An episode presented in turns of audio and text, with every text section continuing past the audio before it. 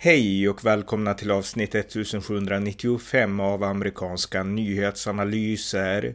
En konservativ podcast med mig, Ronny Berggren, som kan stödjas på swishnummer 070-30 28 95 0.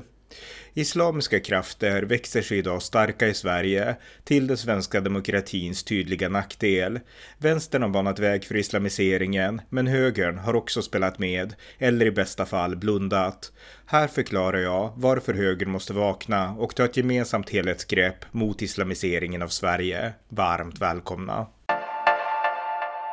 Ja, jag tänkte prata om ett ämne som jag ofta återvänder till, nämligen islam och islamisering. Och anledningen till att jag vill göra det just i det här avsnittet, det beror på att det just nu har uppstått en debatt i Sverige om en akademisk uppsats, en avhandling gjord av svensk egypten Shami Egyptsson som har skrivit en avhandling om Muslimska brödraskapet, den här fundamentalistiska islamistiska rörelsen som uppstod i Egypten och Mellanöstern och som förespråkar en eh, politisk och en radikal version av islam och som också har fått fäste i Europa. Och eh, Samuel Egyptsson, han skriver om hur Muslimska brödraskapet har fått inflytande över många organisationer i Sverige som i princip är Muslimska brödraskapets svenska förgreningar och hur Muslimska brödraskapet därigenom också får politiskt inflytande i Sverige. Så att det är en spännande avhandling som jag inte har läst i dess helhet, jag bara sneglar på den ska sägas. Men eh, den diskuteras för fullt just nu och eh, jag läste en text av Åsa Lindeborg på Aftonbladet och eh, Eh, rubriken lyder Egyptson kommer att få se sin avhandling kapas och eh, hon resonerar där om avhandlingen. Sen så avslutar hon sin ledartext så här. En forskare äger aldrig sina resultat. Sami Egyptsson kommer att få se sin avhandling kapas av krafter som hävdar att Sverige islamiseras big time. Man får hoppas att dessa inte helt sabbar för en religionsvetare som trots allt förtjänar respekt. Ehm, så det hon säger här, det är ju nästan, inte riktigt, men nästan att eh, han kanske borde ha tagit Sami Egyptsson Egyptson, eh, lite mer ansvar över konsekvenserna av en sån avhandling. Hon går inte ända dit, men hon initierar åt det hållet att saker kan säkert hända som han inte räknade med. Och eh, det är precis den svängen som jag tänker ta i den här podden. Som Sami Egyptsson i sin uppsats, jag har läst mm, 50 sidor eller någonting, han definierar väldigt tydligt som man ska göra i akademiska skrifter, en avgränsning, avgränsning avgränsning, att han skriver om det muslimska brödraskapet. Han skriver inte om islam, han skriver inte ens om Muslimska brödraskapets historia, utan han skriver specifikt om Muslimska brödraskapets påverkan på Sverige. Så att eh, det är väldigt avgränsat och eh, jag kanske får återkomma till en, en podd specifikt om uppsatsen när jag har läst den. Jag har som sagt inte gjort det nu. Men eh, det är hans utgångspunkt. Det är en helt korrekt utgångspunkt för honom. Eh, men jag tänkte här kapa den utgångspunkten och gå vidare och prata om just det bredare ämnet islamisering. Därför att jag anser att det handlar inte bara om en enda eh, organisation, utan det handlar om islamiseringen av Sverige som är en konsekvens av islamisk massinvandring. Och det är inte jag som kom på det här, utan Eh, jag utgår i, mångt och mycket från Samuel Huntington och hans eh, analys av civilisationskonflikter där i början av och mitten av 1990-talet. Eh, Samuel Huntington, han var en amerikansk akademiker, professor på Harvard och han drev tesen i början av 90-talet när muslimsk massinvandring just hade börjat till Europa och det fortfarande fanns en debatt, en levande debatt i Europa och även i USA i viss mån om det här skulle vara, ja, om det här var vägen framåt, om det var rätt att öppna upp för något så historiskt unikt som islamisk massinvandring till, till väst, vilket aldrig har skett i historien förut på det sättet. Ehm, och eh, Samuel Huntington, han ställde sig till de få kritiker som menade att det här är och kommer att innebära en civilisationskonflikt. Därför att eh, historien visar tydligt empiriskt att eh, islam kommer att förbli islam, muslimer kommer att hålla fast vid sin muslimska identitet medan väst kommer att påverkas för väst är mycket mer rotlösa än vad muslimer är. Och han sa att eh, det är den tes som han driver och han tyckte att det borde man ta i akt om man, eh, ja, när man då övervägde de politiska besluten om islamisk massinvandring. Och han sa så här att den fråga som skulle bevisa om hans tes var rätt eller inte gällande muslimsk massinvandring, eh, det är frågan om muslimerna eh, skulle anpassa sig till Europa mer än Europa skulle anpassa sig till islam. Och eh, han var helt övertygad om att Europa skulle anpassa sig betydligt mer efter den muslimska minoriteten än motsatsen. Och eh, så här 30 år senare så kan man säga att Samuel Huntington hade rätt. Och jag har nu inte bedrivit någon egen empirisk forskning, jag har inte skrivit någon avhandling om det, men det är min bedömning och jag tror att många av er som lyssnar drar samma slutsats. Europa har anpassat sig efter en högljudd och eh, trygg, kan man ändå säga, trygg muslimsk minoritet som är trygg i sina värderingar, i sin syn på saker och ting på ett sätt som vi i väst inte är, för vi är rotlösa, precis som Samuel Huntington sa. Så att eh, jag anser att vi har ett problem med islamisering utifrån Samuel Huntingtons teser, så att jag går steget längre då än som Egyptsson och kapar lite grann diskussionen som uppstått med utifrån hans avhandling. Men det gör jag väl medveten om att jag gör det. Eh, och jag tycker då att islamisering är någonting som eh, vi måste se den. Den finns, den är verklig. Men under lång tid har Sveriges akademiker, Sveriges ledande skribenter, Sveriges politiker antingen ignorerat, förringat eller avfärdat. Och eh, det kan man inte göra längre.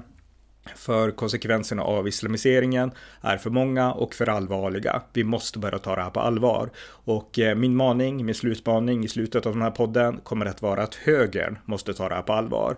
Det måste uppstå en tydlig, ödmjuk förvisso, men likväl islamkritisk högerrörelse som är, eh, ja, som korsar partigränserna, som inte bara är populistisk, inte bara eh, finns inom Sverigedemokraterna, utan som även finns inom Kristdemokraterna, inom Moderaterna och kanske Liberalerna. Det måste komma upp, växa fram i Sverige för att vi ska kunna stoppa det jag menar är en destruktiv och demokratinedbrytande islamisering. Eh, alltså ordet islamisering, det är någonting som är, det är inte nytt, utan det finns väl belagt forskning om det. Jag har skrivit artiklar om det här och eh, islamiseringen kan man studera ganska ingående i Asien, i Afrika och såklart i Mellanöstern. Och eh, det som händer med islamiseringen, det är att oftast i grund och botten sekulära konstitutioner eller konstitutioner som när de skapas måste ta i akt att det finns en stor andel av befolkningen som tror på sharia som den yttersta lagen, alltså islamiska gudslagar. Ehm, det har tvingats till kompromisser mellan totalt sekulär lag och religiösa värderingar. Och de studier som finns, och det finns många, eh, de har visat att där Eh, islam får påverkan på konstitutionsprocessen, vilket blir fallet där det finns en stor muslimsk antingen majoritet eller mi stor minoritet. Där blir demokratin lidande. Det blir färre individuella rättigheter, färre rättigheter för kvinnor och eh, sämre yttrandefrihet. Det här är liksom vedertaget när man ser hur islamiseringen fungerar i praktiken. Och nu har vi en islamiseringsprocess här i Europa. Det pratas just nu om koranbränningar efter Rasmus Paludans provokativa bränning utanför den turkiska ambassaden eh, och eh, det diskuteras nu förbud från framförallt Nyans, partiet Nyans, det här islamistiska partiet med Mikael Yüksel eh, som vill förbjuda koranbränningar och i grund och botten vill han det, även om man kanske hänvisar till ett mot folkgrupp så vill han såklart det därför att han är en islamist. Han tror på sharia i grund och botten. Man ska inte få häda. Det är fel enligt islam och ofta belagt med dödsstraff. Så att man smyger in de här idéerna även i Sverige. Så att eh, en islamisering pågår och vi måste vakna upp inför den och konfrontera den för att vi ska slippa för att vi ska undgå samma öde som, som man har fått eh, möta i många länder i Asien, i Afrika och i Mellanöstern. Vi kan inte, inte låta Sverige islamiseras helt enkelt, det är mitt budskap. Men islamiseringen som pågår, den har som sagt relativiserats och ignorerats och jag tänkte nu ge några exempel på det, framförallt från 2010-talet. Eh, jag gjorde ett poddavsnitt för typ 10 år sedan, 2012, eh, poddavsnitt 15 som finns i amerikanska nyhetsanalysers poddarkiv där jag sammanfattade den svenska islamdebatten på 2000-talet, alltså när jag själv pluggade akademiskt. Ehm, jag har ju varit intresserad av islam i ja, mer än 20 års tid ehm, och där sammanfattade jag i den podden, podd nummer 15, Ehm, islamdebatten på 2000-talet. I den här podden kommer jag fokusera mer på 2010-talet och hur partierna, eh, inte bara högerpartierna utan även vänsterpartierna har förhållit sig till islam. Och eh, min slutsats kommer att vara att man har gjort det, man har varit naiva, man har varit ignoranta och okunniga och eh, på grund av det så har islamiseringen blivit ett faktum i dagens Sverige. Men låt mig ge några exempel här på vad man har blundat inför och eh, vilka problem som finns på grund av att man har blundat. En aspekt av massinvandringen och den islamiska i synnerhet, det är hederskulturen och hedersmord i värsta fall. Och det här är inte exklusivt islamiskt, det finns inom andra kulturer också. Just nu så uppmärksammas en rättegång eller en utredning av två eh, unga män som mördade sin mor med romsk bakgrund. Men inom islam i synnerhet så finns det här över hela världen. Det är vanligt att kvinnor, flickor dödas och även pojkar dödas om de har inlett förhållanden som familjen inte accepterar. Och eh, somliga brukar säga att det där har inte med islam att göra utan det har med kultur och det har med familjer att göra och så. Men islam är ganska specifik när det gäller halal och haram. Eh, det finns förbud i Koranen mot mängder av olika saker. Det finns förbud inom islamisk lag mot mängder av olika slag, saker. Men hedersmord förbjuds inte. Så att eh, indirekt så finns det legitimitet att hitta i islam här också, speciellt om man inte har levt upp till de sociala krav som islam ställer på det sociala levernet. Så att hedersproblematiken är en, ett existerande faktum som går att koppla till islam. Och eh, ett av de mest uppmärksammade fallen, eller det mest uppmärksammade fallet av hedersmord, det har varit många här i Sverige tyvärr, men det mest uppmärksamma, det var för drygt 20 år sedan, Fadime Sahindal som blev mördad av sin far i Uppsala 2002 och eh, det här var ju ett, eh, ett hedersmord som verkligen fick rubriker och blev omskrivet i hela Sverige för det var så nytt för den stora allmänheten då, hedersmord i Sverige. Eh, och eh, det här är ju någonting man inte borde kunna relativisera eller prata bort utan att man borde ta på allvar. Men en akademiker som heter Mattias Gardell, verksam i Uppsala, han skrev en bok 2005 som heter Bin Laden i våra hjärtan. Och där relativiserar han det här hedersmordet. Han skriver så här i den boken. I den inflammerade hedersmordsdebatt som följde sedan Fadime Sahindal mördats av sin far i januari 2002 bortsåg många observatörer omedelbart från alla andra orsaksförklaringar till förmån för det faktum att fadern var kurd och muslim, som om det i sig kunde förklara händelsen. Men när en svensk protestantisk mor slog ihjäl sina barn och placerade dem i frysboxen, vilket inträffade i Gustavsberg utanför Stockholm en tid efter Fadime-mordet, sökte ingen förklara morden med att förövaren var en etnisk svensk och medlem i Svenska statskyrkan så skrev eh, Mattias Gardell om i förhållande till Fadime-mordet då 2002 och eh, det här är ju en relativisering som heter duga. Eh, den här kvinnan i Gustavsberg, jag kan inte så mycket om det, men med största sannolikhet så motiverade hon inte sina barnamord med hjälp av Bibeln eller med hjälp av Luthers lilla katekes. Med stor sannolikhet så hade hon inte skydd och uppbackning av sin släkt och sin familj och sina vänner och eh, med all sannolikhet så backar inte heller Svenska kyrkan upp ett sånt agerande. Så att eh, det går inte att jämföra det här med en hederskultur som i många avseenden baseras på islam och implementeras av släkt och vänner som finns inom den islamiska hederskulturen. Så att det här är någonting man inte borde relativisera. Men Mattias Gardell är en av våra främsta religionsprofessorer och eh, han relativiserar. Och det här får ju såklart inverkan på politiker, på skribenter, på makthavare. Det är det som är syftet med att vara akademiker, att påverka andra med, eh, med makt. Och inte minst, jag menar, Hans böcker och mycket annat hade vi som studentlitteratur när vi pluggade islamologi på universitetet för 20 år sedan typ. Så att eh, de här människorna påverkar och eh, sådana här eh, relativiseringar gör ju att det uppstår en passivitet även i allmänheten. Så att här har vi en aspekt på ett problem som finns. Det är en realitet i Sverige idag, hedersförtryck och även hedersmord tyvärr. Och eh, ledande personligheter relativiserar det skapar en passivitet som är skadlig för Sverige. Eh, ett annat ämne det är såklart smädelse och hädelse av religion och eh, det är någonting som Sverige i modern tid har en lång historia av att kunna göra, smäda kristendomen eh, och så. Det finns ingen som liksom stoppar det på något sätt alls. Ehm, och eh, smälls av islam har ju också förekommit, men där så har det dels varit lite granna islamofobi-vibbar mot de som har försökt smäda islam eh, av just samma etablissemang som det Mattias Gardell tillhör, det akademiska vänsterskrået. Och eh, vi kan se vad som händer också, hur reaktionerna blir när islam smädas. Alltså Sveriges mest kända Eh, häcklare av islam om man säger så. Det är såklart Lars Vilks som tecknade sin rondellhund där 2007 och blev mordhotad av al-Qaida och var med om massa olika Eh, jag har varit utsatt för massa olika attentat och liknande, fick leva med personbilsskydd resten av sitt liv och han avled ju 2021 tragiskt nog i en bilolycka. Men när han dog eh, 2021, då var det många svenska muslimer som eh, eh, uttalade sig glatt för att han dog. Och eh, det fanns då på olika forum muslimer som skrev saker och bland annat eh, så här skrev en person Nu är det helvetet som väntar honom, skrev en person på Twitter, en svensk muslim, och en annan skrev Detta är varje förtalare och bedragares öde, tack vare Allah, skrev en annan person på ett forum.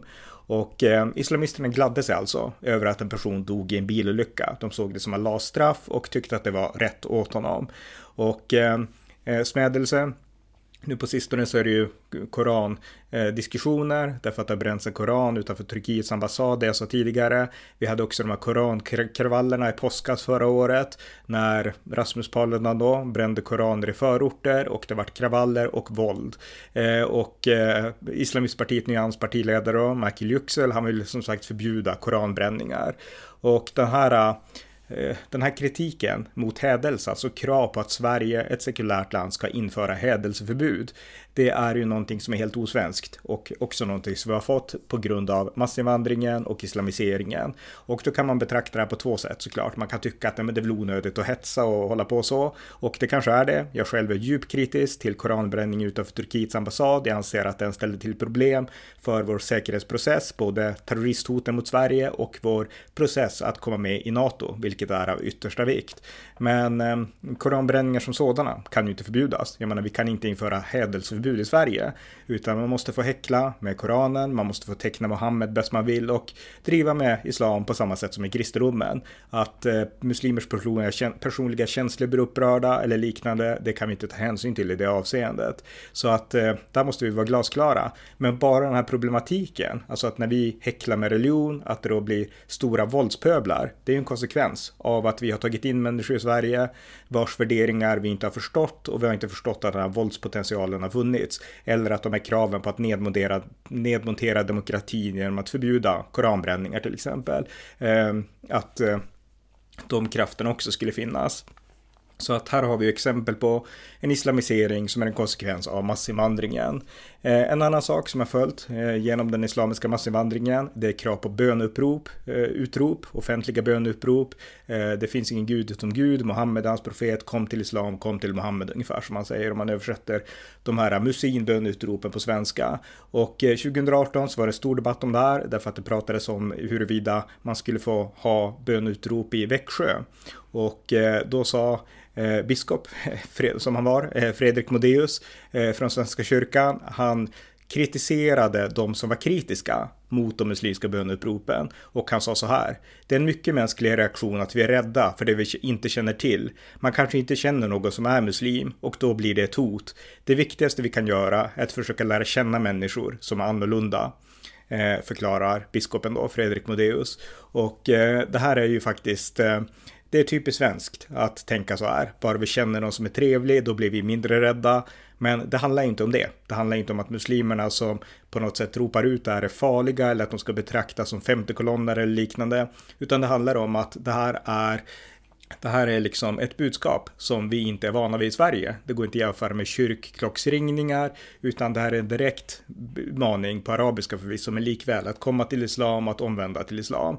Eh, så att den aspekten tas inte med. Och därtill så är ju här också en aspekt som många blir rädda för. Alltså, det här är inte frivilligt eh, i den islamiska världen, där islam är i majoritet, där måste man lyssna på det här. Och eh, är man en minoritet, kristen eller liknande, så måste man på ett eller annat sätt foga sig också. Så att det här är skrämmande utrop för många, för, för det följs med liksom ett bönutrop eh, med munnen och ett svärd i handen. Så har det varit i islams historia och många kristna från Mellanöstern upplever det fortfarande. Och det är ett tydligt tecken på islamisering. Så att eh, den aspekten är ju någonting som Sverige verkar vara blinda inför.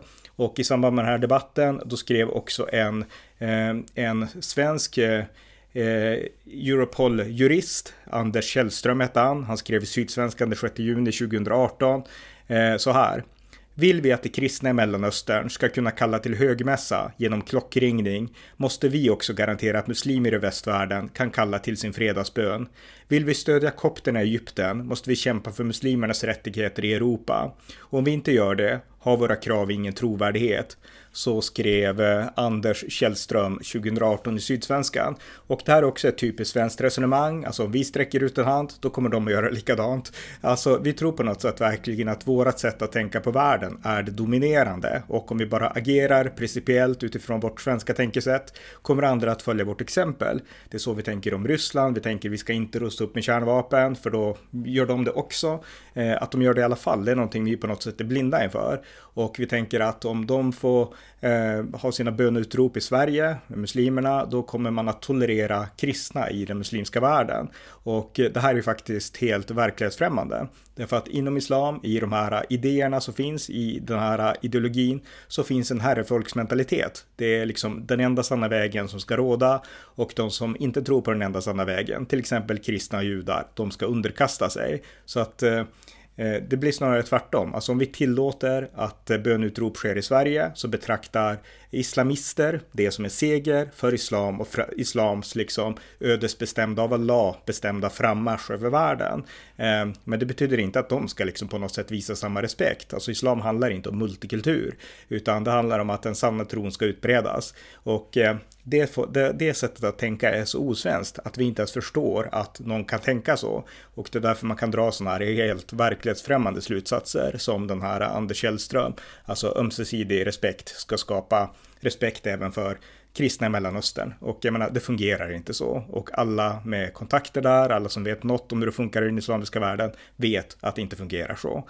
Så att eh, det här är helt enkelt eh, ännu ett exempel på hur naiva Sverige är när det kommer till de här sakerna.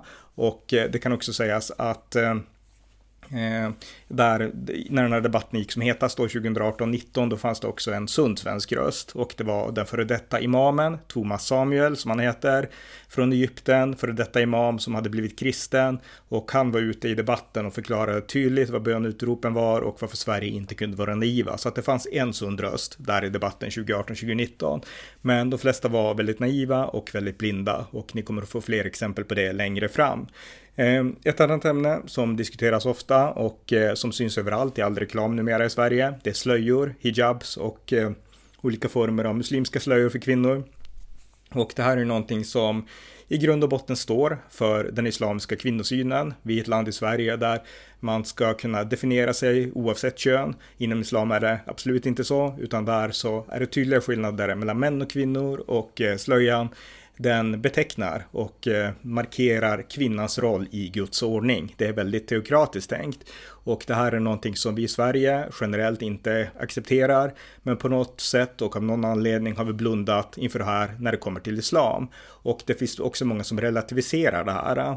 2019 då var det ett inslag på SVT där den svenska imamen Abd al-Haq Keilan som hette Leif Karlsson innan han konverterade. Han kanske heter så fortfarande, men han heter också Abd al-Haq Keilan han försökte relativisera slöjornas betydelse eh, på SVT och jämförde det med att eh, schamponera håret. Och lyssna på det här resonemanget av den svenska muslimen Leffe Karlsson.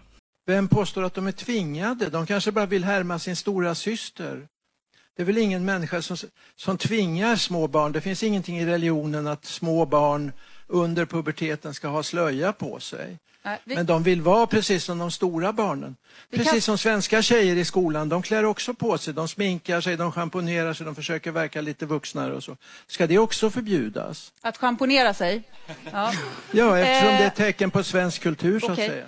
Här pratar Kira, tänkte... Och eh, ett sånt här resonemang, det låter egentligen inte bra för någon, kanske för någon som är totalt okunnig, vilket jag förmodar att Abdhal Ak Keilan, Leffe Karlsson, eh, att han han tror att den svenska allmänheten är. Och i mångt och mycket så har den svenska allmänhet också varit okunnig om det här. Det är inget snack om den saken. Så att eh, taktiken kanske fungerar, men faktum är att slöjor går inte att jämföra med schamponering av håret, utan slöjan handlar om att markera eh, den islamiska kvinnorollen strikt och tydligt. Och eh, det kanske finns frihet att ta på sig slöjan, men det finns sällan frihet att ta av sig slöjan. Och eh, det finns många exempel på det. I Expressen 2018 den 8 maj så kom eh, uppgifter från en grundskola i Haninge kommun i södra Stockholm eh, där man då hade skickat ut ett brev till föräldrarna där man påpekade att det var stor mobbning i skolan med anknytning till religion. Och i brevet så står det så här, jag citerar Expressen.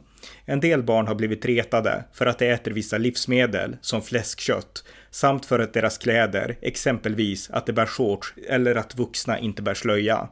Eh, alltså Eh, skolan skickar ut ett budskap att här på den här skolan blir man mobbad om man inte har slöja eller om man äter ganska klassiskt svenskt fläskkött.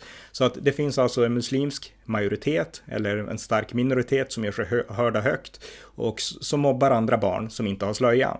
Så att utan tvekan finns det tvång. Och eh, det här är någonting som eh, också predikas även i svenska moskéer. 2017 då var det en svensk imam som hette Mohad Samsan eh, som har varit talesperson för Sveriges förenade muslimer. Han sa så här 2017 att kvinnor utan hijab hamnar i helvetet. Lyssna på det här. För en tjej när hon är 12 år gammal eller 13 år gammal hon hör att det är Gud, han säger om hon täcker sig, hon ska till paradiset. Om hon täcker inte sig, hon ska till helvetet. Ja, så för att det, det är så här det funkar. Ska vi ljuga för henne? Det här det är bevis i Koranen. Så med sådana här budskap så finns det helt uppenbart inga likheter med att schamponera håret. Jag tror inte många föräldrar säger till sina barn i Sverige att om du inte schamponerar håret unge så hamnar du i helvetet. Jag har svårt att tro det. Så att eh, det finns inga likheter här. Så att här finns det relativisering som Sverige har varit väldigt blind och väldigt naiv inför. Alltså islam är en annan civilisation än den kristna. Det är det vi måste förstå. Och det kan vi se i uttrycken för slöjor och liknande. Muslimer tror att det här är en gudagiven ordning som man måste underkasta sig, som man måste lyda. Det tror inte vi generellt i den kristna civilisationen. Så att det är en skillnad där och vi måste inse att skillnader finns och vad skillnaden beror på. Eh, ett ännu mer konkret exempel på det här, det är från kristdemokraten Soheila Fors. Hon är ju, jag tror hon sitter i Kristdemokraternas partistyrelse, men hon är eh, exiliranier, har flytt från Iran, från ayatollornas förtryck där. Eh, här i Sverige blev hon kristen och hon skrev 2017 om att, eller om det var 18, om att när hon var inne på en, eh, på en affär, en somalisk affär, så blev hon avvisad för att hon inte hade slöja. Och så här skrev Soheila Fors på Facebook. En dag åkte jag till en stad och besökte en somalisk affär. Jag vet att de brukar ha jättevackra mönstrade klänningar. Kvinnan i butiken visade mig var de hade sina och jag hittade en som jag tyckte om. Men när jag stod vid klänningarna kom en man in som måste ha varit ägaren från mansavdelningen och sa på somaliska. Vi säljer inte till henne, hon har ingen hijab. Iran. Språket har gemensamma ord med arabiskan så jag förstod en del.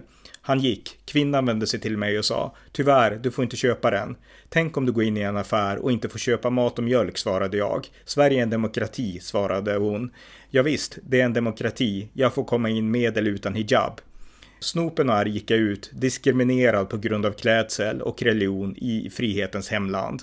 I en svensk affär, i en mellansvensk stad, hade jag kommit tillbaka till religions, religionsförtryckets Iran. Det var en så stark flashback att jag mådde illa. Så skrev Soheila Fors.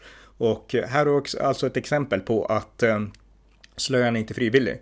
Har du inte hijab och du befinner dig inom de här maktstrukturerna, då kommer du att få möta maktförtrycket. Jag menar om man är en vanlig helt svensk kvinna som har en position i samhället, jag menar kvinnor i Sverige är, eftersom Sverige är Sverige och inte islamvärlden, de är jämlika män och de kan ha vilka maktpositioner som helst i Sverige. Och invandrare förstår det, så att om det kommer en hel svensk kvinna med auktoritet, då kommer man att liksom, man kommer aldrig säga något om en hijab, utan man gör det när man känner man kan, mot invandrarkvinnor, mot sina egna. Så att det är ett förtryck som gräver sig uppåt och det är ett förtryck som Sverige har varit blind inför. Därför att de flesta vanliga, helt vanliga svenska kvinnor, de drabbas inte av det här och därför har de varit blinda. Och då blinda för att det finns en civilisationskonflikt. Islam har en viss kvinnosyn, man måste underordna sig gudslagarna. Sverige har inte den synen. Så att det här är också ett exempel då på hur blinda vi har varit.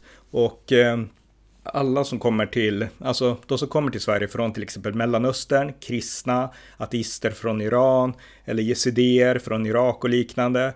Alla de ser eh, att islamiseringen pågår även här i Sverige.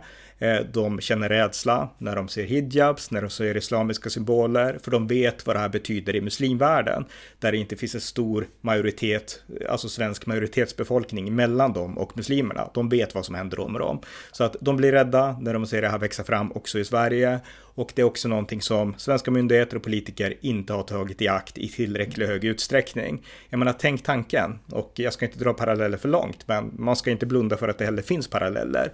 Tänk tanken att någon skulle gå omkring med nazistsymboler. Förmodligen skulle vissa judar kunna känna sig upprörda och rädda därför att de vet vad det här innebar på 30-40-talet i Tyskland och i andra delar av Europa också.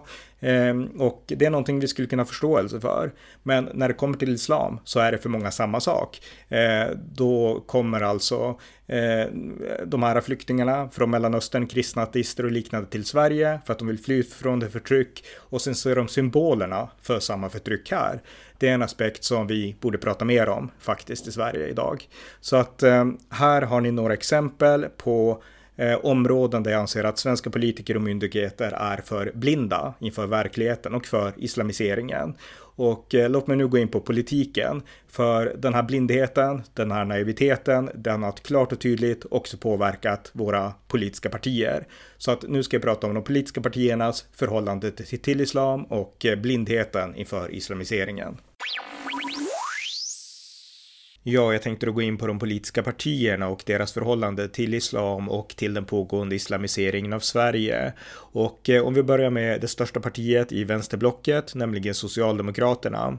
Socialdemokraterna har ända sedan 1999 via sitt förbund Tro och Solidaritet eh, haft ett samarbete med eh, Sveriges Muslimska Råd. Och eh, muslimer har varit en del av den socialdemokratiska rörelsen under lång tid och eh, det är inte så konstigt såklart. Eh, alla som kommer till Sverige vill ju på något sätt engagera sig och Socialdemokraterna har en internationell gångbar ideologi och ett internationellt rykte och är ett stort etablerat parti. Så att, att muslimer ansluter sig till Socialdemokraterna, det är inte förvånande. Men mer förvånande är hur blinda Socialdemokraterna har varit, hur naiva de har varit mot de mer problematiska aspekterna av islam som jag berättade om i inledningen av det här avsnittet. För där har Socialdemokraterna i mångt och mycket varit blinda. Alltså, man ska inte vara för cynisk. Socialdemokraterna stöder inte islamisering. Inget parti i Sverige förutom Nyans gör det. Men däremot har man varit naiva och blinda för personligheter och för organisationer inom Socialdemokraterna som däremot å sina vägnar har önskat islamisera Sverige. Och det är där som skon verkligen skaver hos Socialdemokraterna. Och den här naiviteten, jag har ett personligt exempel som kan vara relevant att nämna här. Ehm, 2010 var det ju det här äh, första jihadistdådet i Sverige. Ehm, försöket till ett självmordsattentat i Stockholms julrush eh, utförd av en man, Taimur Abdul Abdulwahab som menade sig vara från Islamiska staten och han sprängde en självmordsväst. Han var den enda som dog som tur var, ehm, så att inga oskyldiga omkom där utan bara terroristen själv. Men efter det så uppstod ju såklart en diskussion i ett Sverige som aldrig hade sett några jihadistdåd någonsin i svensk historia. Ehm, en diskussion uppstod om islam och ehm, jag bor i Örnsköldsvik, samma stad som Stefan Löfven. Och eh, 2011 i mars där så bjöd de lokala socialdemokraterna, jag tror att Stefan Löfven var där också, de bjöd in en av mina lärare från Umeå, Mohammed Farsel Hashemi, eh, religionsvetare, professor och islamolog, för att föreläsa om islam. Och det här var ju bara ungefär ja, tre månader eh, knappt efter terrorrådet då, försöket till terrorråd. Och eh, Mohammed Farsel Hashemi kom hit, jag var där och eh, Socialdemokraterna i staden var där och han höll en föreläsning där han pratade massvis om, inte om jihadism, inte om faran och hotet från militant islam, utan han pratade om faran med islamofobin. Nu skulle det här kunna bli vändas mot muslimer när sånt, något sånt här hemskt händer, så nu måste vi vara vaksamma mot, inte islamisk terrorism, utan mot backlashen mot muslimer, homofobin. Det var det som var hans budskap och alla socialdemokrater applåderade och köpte med hull och hår att nu måste vi ta fighten för nu har det hänt något fruktansvärt så att nu måste vi ta fighten mot islamofobin. Det var liksom den poängen som Socialdemokraterna drog och jag bevittnade det här själv. Jag skrev en insändare i vår lokaltidning Allehanda om det här och eh, det var nästan pinsamt och jag har ju haft Farsel Hashemi som lärare också. Jag vet ungefär vilka härskartekniker han ofta har kört när han har undervisat om olika ämnen som har med islam att göra. Men det är ett ämne för en annan podd. Men eh, hur som helst, där så bevittnade jag lite grann hur ett, eh, en hörnsten till den omtalade socialdemokratiska naiviteten lades. Och den här naiviteten tog sig uttryck konkret eh, 2015 när 300 svenskar eh, hade anslutit sig till Islamiska staten i Syrien och Irak, den här fruktansvärda terrorsekten. Och Stefan Löfven då sa att eh, jag måste tyvärr säga att Sverige nog har varit naiva i det här avseendet. Kanske har, har det varit svårt för oss att acceptera att det i vårt öppna samhälle, mitt bland oss, finns svenska medborgare som sympatiserar med mördarna i Isil. Så sa Stefan Löfven den 19 november 2015 när Islamiska staten stod högt på tapeten. Och eh, ja, eh, han kan gärna säga att Sverige hade varit naivt, men faktum var att det var han och Socialdemokraterna som var naiva. Det var inte Sverige. Det fanns många som försökte varna för den här utvecklingen, men Socialdemokraterna valde att inte lyssna. Och eh, de har också haft islamister inom leden, inom Socialdemokraternas led. En av de mest kända, det var Omar Mustafa. Han hade tidigare varit ordförande för Islamiska förbundet i Sverige och eh, 2013 så kom han in i Socialdemokraternas partistyrelse. Han blev dock inte långlivad där, därför att Expo avslöjade att han hade bjudit in kända antisemiter som skulle hålla konferenser och eh, Socialdemokraterna insåg att det här var inte någon person vi vill ha i liksom, så att han, han vart utpetad därifrån. Men det uppstod samtidigt en stor splittring, en diskussion inom Socialdemokraterna. Är det islamofobiskt att driva ut honom eller är det liksom rätt att göra det? Så att det vi kan se i, inom Socialdemokraterna är ett splittrat parti. Ett parti som inte har en enhetlig syn på islamism och ett parti som är blinda för faran med islamiseringen. Ett parti där det fortfarande inte har gått in att många muslimer har värderingar som helt skiljer sig från svenska värderingar i syn på alla möjliga saker. Så att eh, det, det, vi kan se i Socialdemokraterna, inte bara enskilda uttalanden från Stefan Löfven, det är en otrolig naivitet. Och en annan känd eh, socialdemokratisk profil, Olle Torell, han sa så här 2019 om arabiskan i svenska skolor. Lyssna på det här klippet. En rektor på en skola i Västerås har blivit utsatt för både hat och hot när hen har berättat om möjligheten man ger till alla elever att få prova på lektioner i arabiska. Inte bara spanska, franska och tyska som alla e- elever erbjuds utan också två lektioner i arabiska innan man gör sitt slutliga språkval inför högstadiet. Det här har retat upp folk så till den milda grad och man inbillar sig att det är en del av en islamisering av samhället att lära sig arabiska. Jag tycker det här är helt sjukt. Det är väl jättebra att elever får möjlighet att vidga sina vyer, prova på ett språk som talas av många i världen men också här i Sverige. Och språket är ju inte farligt förstås. Islamisering och extremism är farligt. Men eh, bara för att man lär sig arabiska betyder ju inte det att det är någon farlig eh, islamisering som är på gång. Jag tycker folk i allmänhet behöver skärpa sig. Det är inte farligt med kunskap. Arabiska är inget farligt språk. Jag önskar att människor kunde vara lite mer hänsynsfulla och toleranta. Och eh, det här visar också på naiviteten som Socialdemokraterna uppvisar.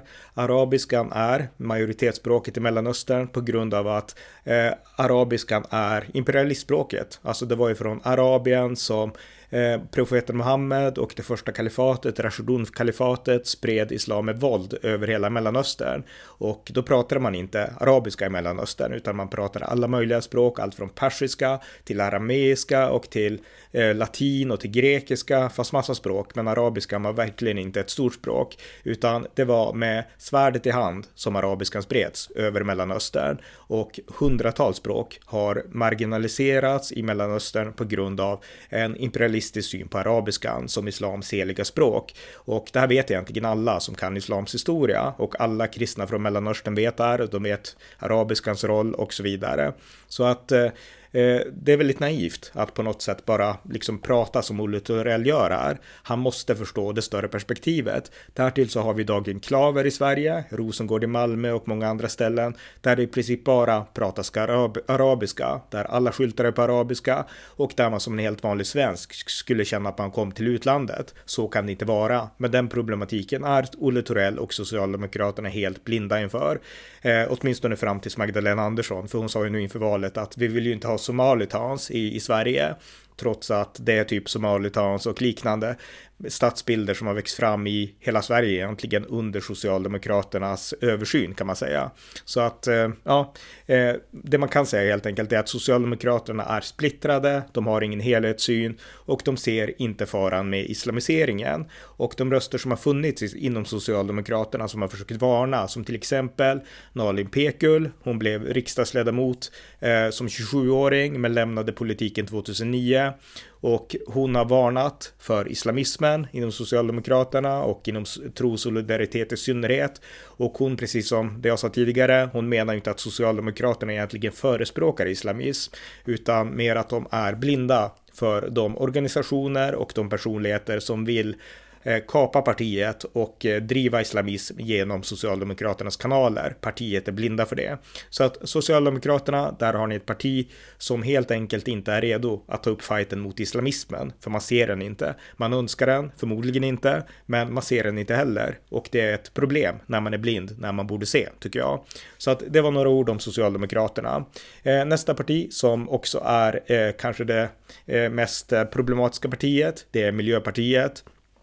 Och eh, Via Miljöpartiet så fick vi ju vår första islamist som minister. Det var Mehmet Kaplan, miljöpartisten, som Stefan Löfvens socialdemokrater gjorde till bostadsminister för en tid. Tills det uppkom då att Mehmet Kaplan hade samröre med de grå vargarna, turkextremisterna och eh, han fick också gå. Han gick samma öde till möte som Omar Mustafa, att man insåg oj, vi har varit naiva, en islamist, han, han kan vi inte ha här. Men eh, Mehmet Kaplan, hans islamism var ingen hemlighet. Eh, jag har intervjuat människor i Mehmet Kaplans närhet som kände honom, som till exempel Rebar Hassan, en annan miljöpartist från Irak tror jag, som, som vet att eh, eh, Mehmet Kaplan var en islamist. Jag har intervjuat Eddie Omar som har träffat Mehmet Kaplan i olika sammanhang som har berättat att det är inget snack om att han var en islamist, det visste alla. Så att Socialdemokraterna såg mellan fingrarna när man valde in honom för att med Miljöpartiets hjälp få makten då, regeringsmakten. Så att där har vi en mycket allvarsam islamist och jag menar det var också Mehmet Kaplan som eh, jämförde de som reste till Islamiska staten, alltså den där terrorgruppen som mördar oskyldiga, med svenskarna som reste frivilligt under andra världskriget i Finland för att hjälpa Finland i försvaret mot Sovjetunionen. Så att det här är en absurd parallell och det är en hån mot alla svenskar att Mehmet Kaplan blev minister. Det här är ju inte en person som man kan räkna som svensk utan han har sin identitet och sin lojalitet till en främmande makt, till Turkiet. Och han har ja, varit minister, bostadsminister i Sverige, trots att han haft samröre med de här turknationalisterna. Det, det finns liksom, det går inte att ursäkta det tycker jag. Eh, men det är det som Socialdemokraterna ändå lyft fram, en extremist i Miljöpartiet. Eh, en annan extremist från Miljöpartiet, det var Yasri Khan. Han fastnade på en tv-kamera, jag tror att det var TV4, när han vägrade att ta en kvinna i hand. Och det här är ju också en islamisk sak. Eh, profeten Muhammed var han som införde att män ska inte ta kvinnor i hand. Och eh, Yasir Khan håller sig till det. Så att här har vi verkligen praktexemplet på en ja, en stor skiljelinje mellan kristen civilisation och islamisk civilisation, handskakning. Sen finns det enskilda muslimer som såklart tar kvinnor i hand, det är liksom en annan sak, men Yasri Khan gör det inte. Och eh, det är ett bevis på en slags Eh, Eh, ja, islamisk fundamentalism eh, som inte hör hemma i Sverige, tyvärr alltså, för att här tar vi kvinnor i hand. Vi har en jämställdhetssyn som är okränkbar och som inget politiskt parti kan kompromissa med.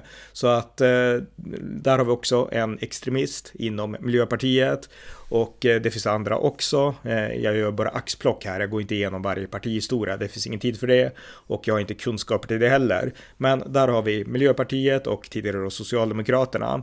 Vänsterpartiet då? Eh, Vänsterpartiet har inte haft samma former av islamister.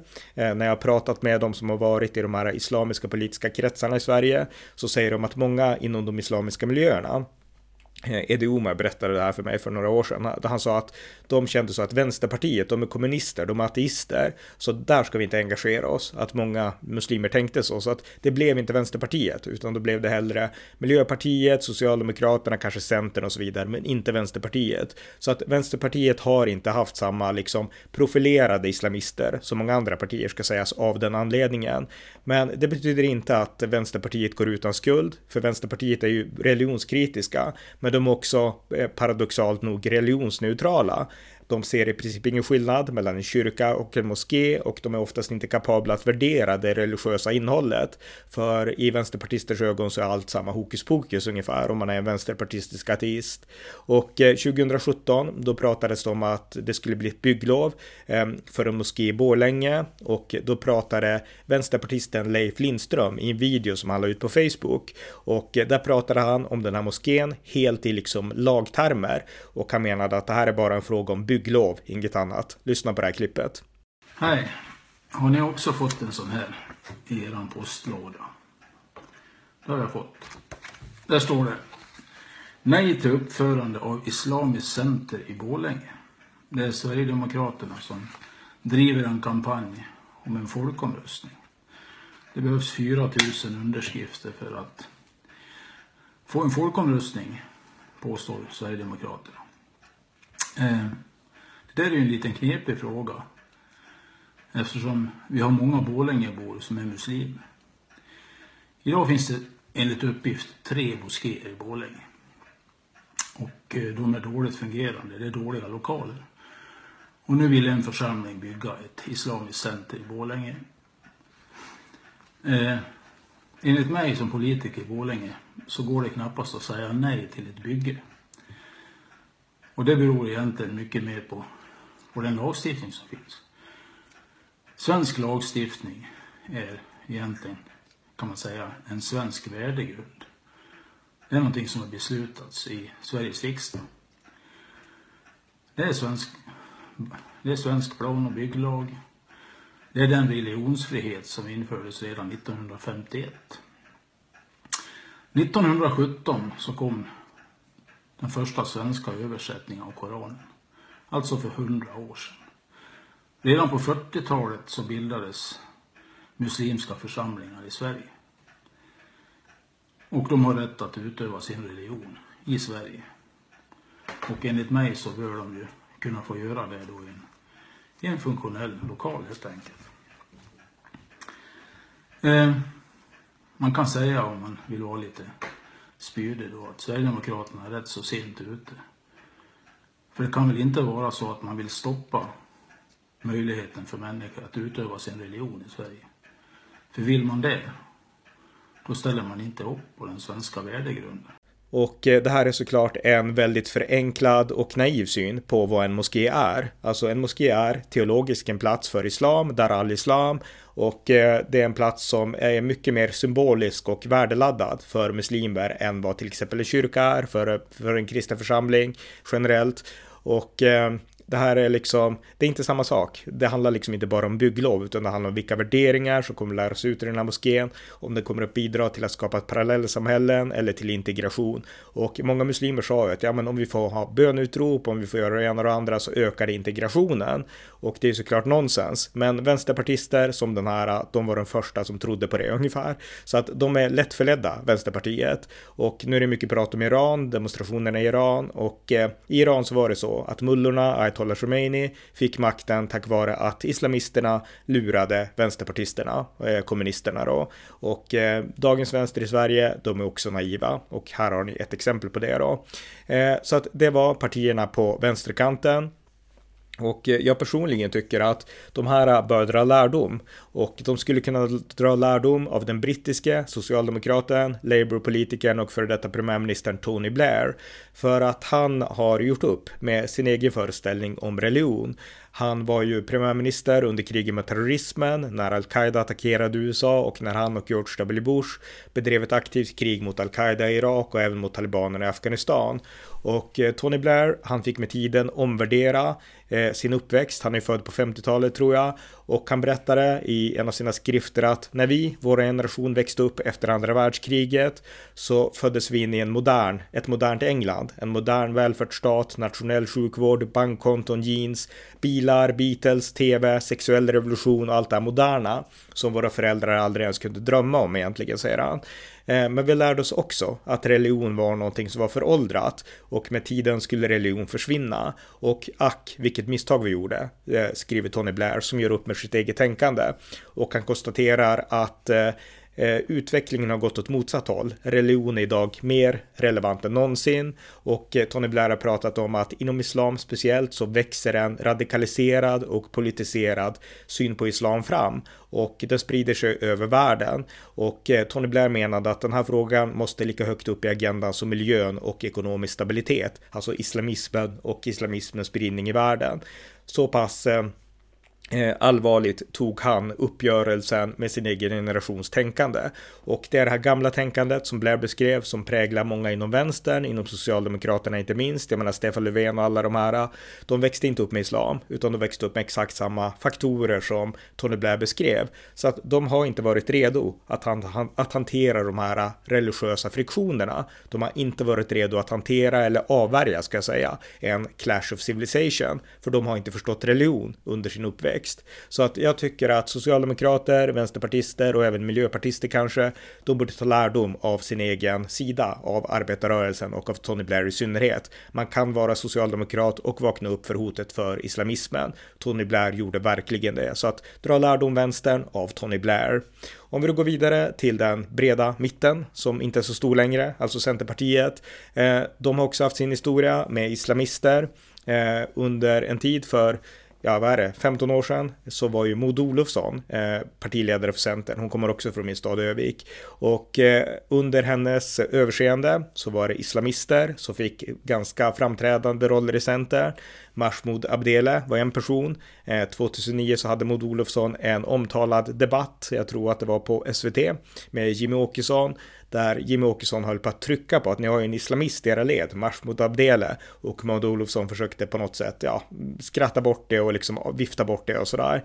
Men Mahmoud Abdele är en islamist, hans hustru är Ebtisam Abdele, hon är också en islamist och eh, hon är en person som har arbetat som nämndeman i migrationsfrågor och gett avslag till kristna. Hon är en person som har försökt döma via sharia Eh, i, i en domstol och liknande. Och eh, ja, de här är inte med längre i Centern på det sättet. Men det visar att även Centern har varit djupt naiva mot islamiseringen. Nu har Centern också en muslimsk partiledare, Muharrem Demirok, som har haft ett dubbelt medborgarskap i Sverige och Turkiet. Och eh, ja, jag tänker inte ifrågasätta för mycket. Det skrivs redan massvis av honom och många saker är säkert överdrifter. Men nu har man en muslimsk eh, partiledare som utan tvekan har gett stöd till moskébyggen och till minareter och sådana saker, alltså till islamiseringen av Sverige. Det betyder inte att han är farlig eller att han personligen är islamist eller liknande, det tror jag inte. Men Centern har en historia av att vara naiva, det är ett faktum. Och eh, vi kan inte ge Demirok frikort riktigt än, utan vi får se vad han går för som politiker. Så att eh, Centern har en historia av naivitet i förhållande till islamismen. Det är ingen tydlig stark röst mot islamiseringen av Sverige. Så att det var den breda mitten, Centerpartiet. Eh, om vi då går till högern, högersidan, högerblocket, och börjar med det stora partiet där, nämligen Moderaterna, det nuvarande regeringspartiet. Eh, Moderaterna, de har nu på sistone fått hantera många olika kriser samtidigt. Eh, och eh, i de här processerna så har det gjorts en del utspel som jag är kritisk till. Dels så lät ju statsminister Ulf Kristersson efter den här beklagliga koranbränningen utanför Turkiets ambassad eh, be om ursäkt först lite grann för det och han förstod att muslimer kunde känna sig sårade. Jag skulle säga att det inte är hans uppgift som statsminister att be om ursäkt för en sån här sak. Ehm, därtill så bjöd han in muslimska representanter, däribland också några islamister utan att han visste det, för att prata om den här saken. Det fanns ingen anledning för honom att göra det heller. Han borde bara ha sagt att det var inte staten som stod för koranbränningen. Vi vill ha ett gott samarbete med muslimer och ett gott samarbete med Turkiet. Sen hade han kunnat nöja sig med det. Det gjorde han inte. Carl Bildt, en annan moderat profil ah, som också varit statsminister på 90-talet. Han pratade på SVT och han ville att koranbränningar möjligtvis skulle falla under hets mot folkgrupp. Och det här är också mycket beklagligt. Det är ett allvarligt, eh, en allvarlig inskränkning anser jag av yttrandefriheten om det görs. Eh, men det var Carl Bildts inställning. Gunnar Strömmer, justitieminister, han pratade om, han fick en fråga av Richard Jomshof från Sverigedemokraterna i riksdagen om hur han såg på beslöjade kvinnliga poliser och han sa att det var en sak för myndigheten att avgöra.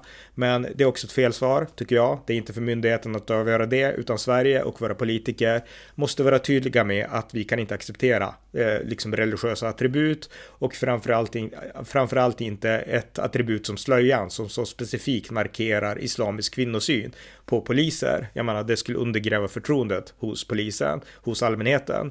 Så att eh, där har vi tre svaga utspel av den nya moderata regeringen. Men den här mjukheten mot islamiseringen, mot islamismen, den började inom Moderaterna långt, långt tidigare. Det började på allvar under Reinfeldt-åren, Fredrik Reinfeldt. Och eh, i riksdagsvalet 2010 så hade Moderaterna en låt som hette Det flyter. Det var deras vallåt. Och eh, låt mig spela ett stycke. Lyssna på det här. Bygg en moské baby, bygg gärna tre baby. Låt ingen annan jävel krossa din idé baby. Sågas gärna en gång till. Ja, bygg en moské baby, bygg gärna tre baby. det var Moderaternas vallåt 2010. Men redan dessförinnan så hade islamister kommit in och fått höga positioner i Moderaterna. En av dem var eh, Absi, uh, Abderizak Vaberi hette han. Han är ganska känd så jag borde kunna uttala hans namn, men eh, Abderizak Vaberi hette han. Och han intervjuades av SVT 2008 där han var ganska tydlig med att han var en islamist. Han förklar, såg, förklarade syn på kvinnan och alkohol, alla möjliga saker och en tydlig islamist. Om en kvinna kommer till dig och säger jag är muslim men jag väljer att inte bära slöja. Är det rätt eller fel enligt islam? Då säger du att det är fel. Självklart. Ja, precis som du kommer till säga till mig. Vad tänker jag muslimen? Jag tror inte på Mohammed. Är det okej okay i islam? Säger nej. Det, kan, det är fel. Precis, det, det är fel skillnad. Vi tar inte kvinnan i hand. Utan de säger. Men det beror på hur man, hur man, hur man tolkar den. Va? Och eh, för det här fick han mycket kritik, men han kom in i riksdagen. Han var alltså riksdagsledamot för Moderaterna, en svart man med stort islamiskt skägg. Och eh, jag minns att jag hade en eh, moderat riksdagsledamot som följde amerikanska nyhetsanalyser på den tiden. Och han hade en blogg som jag gick in på och där hade en stor bild av eh, Abdsirarak Vaberi eh, med, med sitt liksom ansikte och sin liksom hatt och sitt skägg och sådär. Och så hade han som rubrik då den här moderaten, man är väl inte fördomsfull. Så att de vill ha Vaberi som ansikte ansikte utåt för att Moderaterna var ett inkluderande parti och ett hippt liksom invandrarparti. Och eh, så kan det nog gå när man är en dum svenne och naiv. Alltså det var en islamist som fick, eh, jag tror han satt till och med i försvarsutskottet, som fick en farlig liksom position i Sveriges riksdag på grund av Moderaterna. Och eh, med tiden så skulle ju Vaberi dömas för att driva, förskingra pengar och driva islamistiska skolor och sådana saker tror jag. Så att eh, det är en historia för sig. Men när det begav sig då så fanns det ju de som kritiserade Vaberi. Men då togs han i försvar av sina partikollegor och en som tog honom i försvar, det var den nuvarande moderata EU-parlamentarikern Tobias Tobé som skrev 2012 i eh, GD, Gävles Dagblad tror jag, Eh, han skrev så här eh, 2012 då. Vi är kollegor med Abdirizak Waberi och känner honom som en seriöst arbetande ledamot av Sveriges riksdag. Han har återkommande dock blivit föremål för främlingsfientliga krafter som har anklagat honom för en rad uppfattningar han inte delar. Detta är något vi beklagar och ser som oroande. I Sverige bor det 500 000 muslimer. En majoritet av dessa kommer från familjer som har flytt från diktaturer för att kunna leva i demokrati och frihet i Sverige. Dessa bor, lever och arbetar som precis alla andra. Mer Merparten av de svenska muslimerna besöker moskén lika ofta som de svenska kristna besöker kyrkor i detta land. I ett demokratiskt samhälle ges varje människa rätt att själv forma sitt liv, religiös tro eh, eller att inte tro på Gud alls. Sexualitet, familjebildning, yrkesval och politiska värderingar är exempel på val som är kopplat till att vara människa. I en demokrati ges varje människa rätt att själv välja och detta värnar Nya Moderaterna om. Så att det här var deras försvarsskrift av en av Sveriges mest kända islamister som inte tror på demokrati och som tror på sharia-lagstiftning och inte tror på de här värderingarna som Moderaterna tror på. Så jag menar återigen ett exempel på den totala naiviteten och blindheten. Och eh, det finns många andra liknande exempel. Eh, 2000 eh, 2016 så sa Andreas Norlén, som nu är talman i riksdagen, han sa i en intervju med tidningen Dagens Samhälle, nummer 10 2016, att islam går utmärkt att förena med västerländsk demokrati. Och vad han menade med det vet jag inte, utan det låter som att han också har varit på en föreläsning med någon svensk vänsterakademiker som har sagt det åt honom. Därför att när man granskar de här islamiska miljöerna, jag skrev en bok om islam 2007, då reste jag runt i olika moskéer för att kolla om den här blågula islam som det pratades om på universitetet så ofta, om det fanns. Och jag upptäckte den typ aldrig, utan jag träffade islamister som trodde på sharia-lagar. Jag träffade personer som, det här var 15 år sedan, som ville typ stena kvinnor och äktenskapsbrytare till döds om det bara kunde bli en islamisk stat i Sverige. Så att jag menar, det han säger här, jag menar det finns säkert vissa enskilda röster finns det, eh, Benazir Bhutto och andra, som har försökt liksom skapa och bygga en lös, svag teologi för att verkligen liksom bygga den teologiska uppbackningen av ett ja, västerländskt demokratiprojekt. Så att sådana röster har funnits och finns utan tvekan. Men de är få och det är liksom inte den trenden som är dominerande i Sverige eller i det islam som växer fram i Europa, utan det är eh, helt andra krafter. Så att jag menar 2016, det Andreas Norlén borde ha sagt, det är ju inte att islam och demokrati eh, liksom går att förena, eh, utan det är snarare att vi har ett problem. Alltså, han borde ha vaknat upp på samma sätt som Tony Blair, men det gjorde inte Andreas Norlén. Så att det här visar också att han också lever i en egentligen främmande, avfjärmad från den här verkligheten som växer fram i Sverige. Så att Moderaterna är ett naivt parti. Och eh, det sista exemplet jag tänkte ta på det, det är den moderata kommunpolitikern eh, i Gävle, eller hon har varit det i alla fall, Inger Källgren Savela heter hon. Hon besökte Salafi-moskén i Gävle, jag har varit där också, eller utanför åtminstone, och det är den här moskén som Aburad, den är kända eh, imamen som Säpo vill utvisa, det var där han höll till och hon gick in och det var en bild på henne med ett rejält huckle över huvudet då för att visa respekt och hon pratade om att samarbeta och sådana saker. Alltså ingen koll på islamismen i den där moskén och eh, hon tror på något sätt bara att det, här är ungefär en, en religiös organisation som är frikyrka. Vad fint, det här ska passa i vårt nya fina moderata Sverige. Så att en total naivitet, inte bara från Socialdemokraterna utan även av Moderaterna. Och det intressanta är ju att Moderaterna har haft en röst som har varit islamkritisk. Det har ni Hanif Bali, han har inte varit det alltid, han var inte det liksom 2007 och sådär, men han blev det med tiden. Och eh, han blev utpetad ur Moderaterna för att han var för liksom klarspråkig. Så att Moderaterna är fortfarande inte partiet att hantera islamiseringen av Sverige. Och det är sådana partier jag efterlyser, det är sådana partier som behövs. Men Moderaterna är inte på spelplanen än. Och en orsak till det, det beror på att parti partiet fortfarande styrs av just den här generationen som Tony Blair pratar om, som inte förstår religion. Och det gäller kanske i synnerhet svenskar från den generationen. Så att det var Moderaterna. Eh, Kristdemokraterna, de har också sin historia. De vill ju dels eh, gärna värna liksom invandring, för de ser det som kristet och kärleksfullt. Eh, de vill värna friskolor, för att många kristna friskolor har, fått, eh, har man fått kämpa hårt för, mot Socialdemokraterna främst. Och, eh, och så. Men det här har också lett till en naivitet inför islam som de flesta kristdemokrater inte kan så mycket om.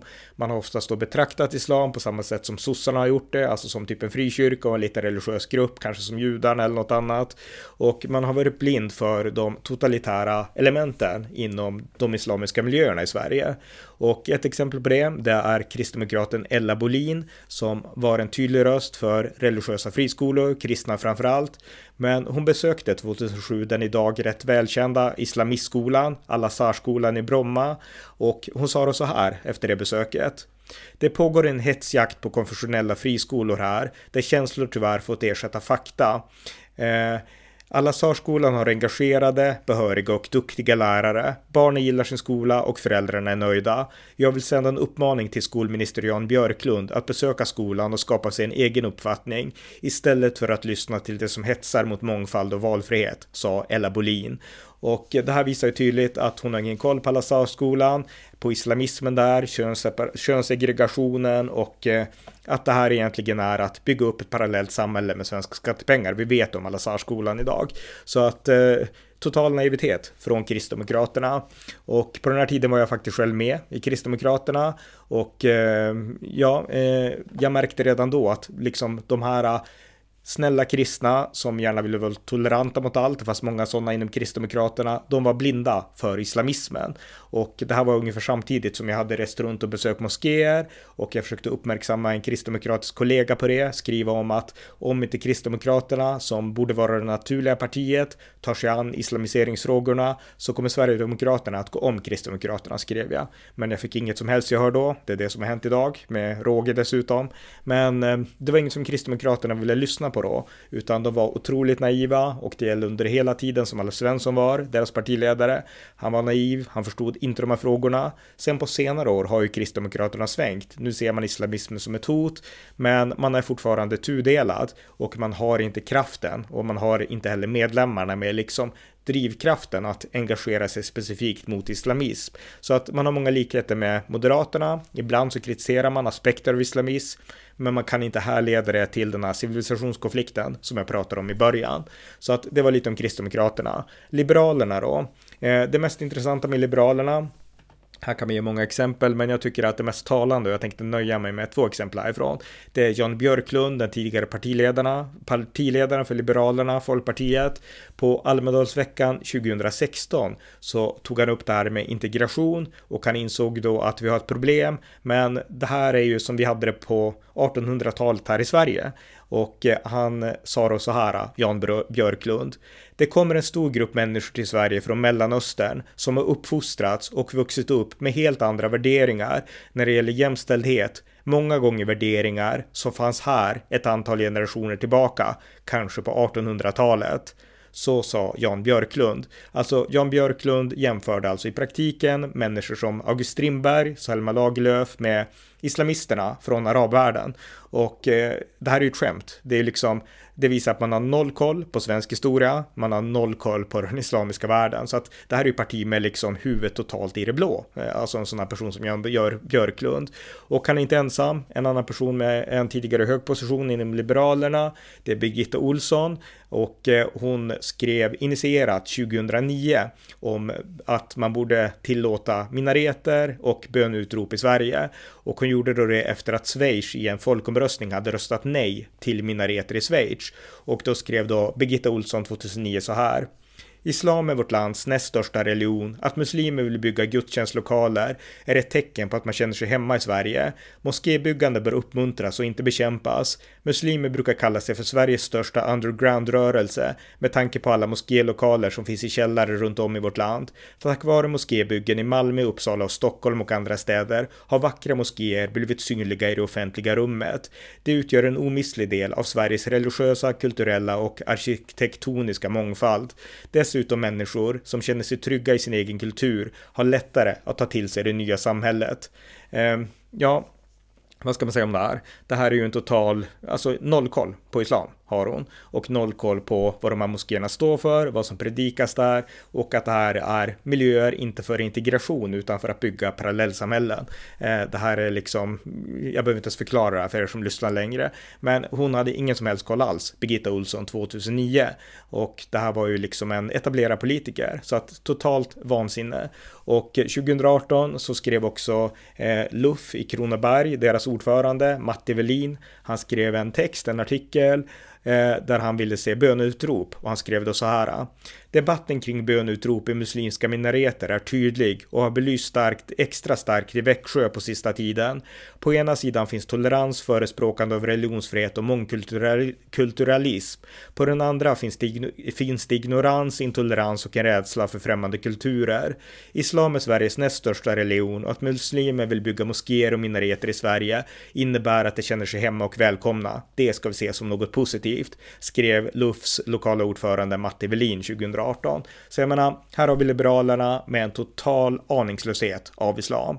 Och eh, det är ett parti som har banat väg med sina beslut för islamiseringen. De har inte motat den, utan de har banat väg för den. Och eh, att Johan Persson, den nutida partiledaren för Liberalerna, kommer från islamistfästet Örebro. Det verkar inte hjälpa, alltså Liberalerna är fortfarande helt vilse i pannan när, när det gäller de här frågorna. De pratar för sig mer kritiskt idag, men de hade inte förmågan att inse på förhand faran. Alltså de, likt, likt som många andra politiker i Sverige, förstod inte religion. Så att där har ni då Eh, det partiet. Så att nu har vi gått igenom eh, vänsterkanten, den breda mitten och eh, högerkanten. Kvar finns såklart ett parti och det är Sverigedemokraterna. Och eh, Sverigedemokraterna, det är det parti som har haft mest rätt i den här frågan under längst tid. Eh, redan 1994 i valet då så publicerade Sverigedemokraterna en valaffisch, en valposter där man hade en bild, eller det var en val poster uppdelade i två bilder. Först en bild längst upp på knäböjande bedjande muslimer, ett fotografi från Göteborg tror jag, och därunder ett fotografi av två svenska kvinnor i en slags naturidyll som sitter i en sjö och eh, kammar varandra i håret. Och sen så ser man de här två bilderna och så står en fråga på den här sverigedemokratiska valfoldern. Vilket Sverige väljer du? Och eh, jag väljer utan tvekan den här naturidyllen framför de här bedjande muslimerna. Därför att det här är Sverige Sverige och det var liksom det som Sverigedemokraterna tryckte på då. Men det var ingen som lyssnade då. Inga av de etablerade partierna lyssnade och de lyssnar nästan fortfarande inte. Men Sverigedemokraterna har hållit linjen, de har haft rätt och de har drivit den här frågan mest konsekvent och mest rätt. Men de har inte drivit den perfekt tycker jag, utan Sverigedemokraterna har ofta förfallit in i populism. De har gjort liksom dramatiska utspel. Nu senast så var det Richard Jomshof som pratade om att bränn hundra koraner då, liksom om de inte ska acceptera att man bränner en koran. Jag menar, sådana utspel går inte hem hos den breda svenska allmänheten. Eh, det är bara ett faktum, utan det är liksom hålla på så, det är att smeka liksom lite grann den här äh, som vill hetsa mot islam, alltså smekare medhårs. Alltså, vi ska driva islamkritik, vi ska driva sakligt motstånd mot islamiseringen, men det måste göras intellektuellt, genom debatter, genom information, inte genom att bara elda på liksom och bränna koraner, utan det måste göras smart och det måste göras intellektuellt. Och där så saknas det någonting hos Sverigedemokraterna. De, de, de har inte lyckats på den här biten. De har lyckats driva frågan frågan liksom på ett metaplan korrekt, men inte den här finkalibreringen. Och eh, det är väl kanske en av anledningarna till att det fortfarande är väldigt många som man ser hotet från islamiseringen, men man ser fortfarande kanske inte att Sverigedemokraterna är alternativet. Och det för mig till avrundningen här. Sverigedemokraterna är superviktiga. De har gjort en super, ett superhårt arbete i kampen för att få in den här frågan på dagordningen och utvecklingen, samhällsutvecklingen har ju också gjort sitt som gör att ingen längre kan blunda. Men det som nu behövs är Eh, politisk handling mot islamiseringen. Det handlar inte bara om islamism, det handlar absolut inte bara om Muslimska brödraskapet, utan det handlar om islamiseringen. Islamisering är ett fenomen, som jag sa i inledningen, som går att studera i Asien, i Afrika och så vidare, där islamiseringen går framåt. Och islamiseringen är en konsekvens i Sverige av massinvandring och människor som tänker muslimskt. Alltså man tror i grund och botten att Koranen är det vägledande för livet och samhället. Det går inte att jämföra med frikyrka. Eh, där islamisering pågår, där där minskar kvinnors rättigheter, där minskar demokratiska rättigheter, där minskar yttrandefrihet. Så att det här är någonting som vi måste inse. Vi måste vakna upp och inse att det här handlar inte bara om kulturkrockar eller bristande integrationspolitik, utan det här handlar om, precis som Samuel Huntington, Huntington sa, om en civilisationskonflikt, en civilisationskrock mellan två olika civilisationer som i grund och botten har värderingar från helt olika källor, där man lär ut helt olika saker i många frågor. Och det är det som politikerna i Sverige måste inse och utifrån den insikten arbeta politiskt för att värna Sverige som svenskt även inför framtiden. Och eh, Sverigedemokraterna har gjort ett eh, viktigt jobb som sagt, men Sverigedemokraterna räcker inte till. Alla partier måste vakna upp inför det här och kanske Kanske i synnerhet partierna på högerkanten. För som jag sa, vänsterpartierna, de har varit helt blinda, de har liksom banat väg för det här nästan i praktiken, medan högern har varit blind och jag tror att det är lättare att vakna från blindhet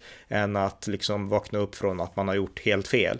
Så att eh, min vädjan är främst här till högern, till Moderaterna, till Kristdemokraterna och till Liberalerna att vakna upp inför de här frågorna. Vi behöver partier, vi behöver en stark högerkoalition, eh, den som finns nu, för att mota bort islamiseringen och eh, värna Sverige som svenskt för alla som bor här. Och eh, det är det som, som, som jag vill mana till i den här podden. Jag vill liksom upplysa om att islamiseringen är verklig. Våra politiska partier har inte tagit det på allvar, men det är hög tid att ta det på allvar nu. Och hur ska det här då göras? Jag tror att det första är att det behövs information till de etablerade partierna, i synnerhet Sverigedemokraterna, de är redan, de är redan på banan här. De förstår att islamiseringen är ett problem, men gör Moderaterna det? Jag är inte riktigt lika säker och jag tror inte att Moderaterna kan definiera islamism på ett bra sätt. Gör Kristdemokraterna det? Kanske i mer mån nu, men absolut inte förr. Och de har sina samvetskval om medmänsklighet samtidigt som de inser att oj då, det här var någonting man kanske måste vara tuff mot. Så att de har sina problem. Och Liberalerna tror i grund och botten på det här med liksom att man ska få ha öppna gränser och, och sådana saker och de förstår inte religion. Så att ett stort informationsarbete som förklarar skillnaderna mellan västerländsk civilisation och islamisk civilisation. Det är grunden. Och en sån upplysningskampanj skulle behövas i Sverige idag. Och eh, det är en sån jag efterlyser.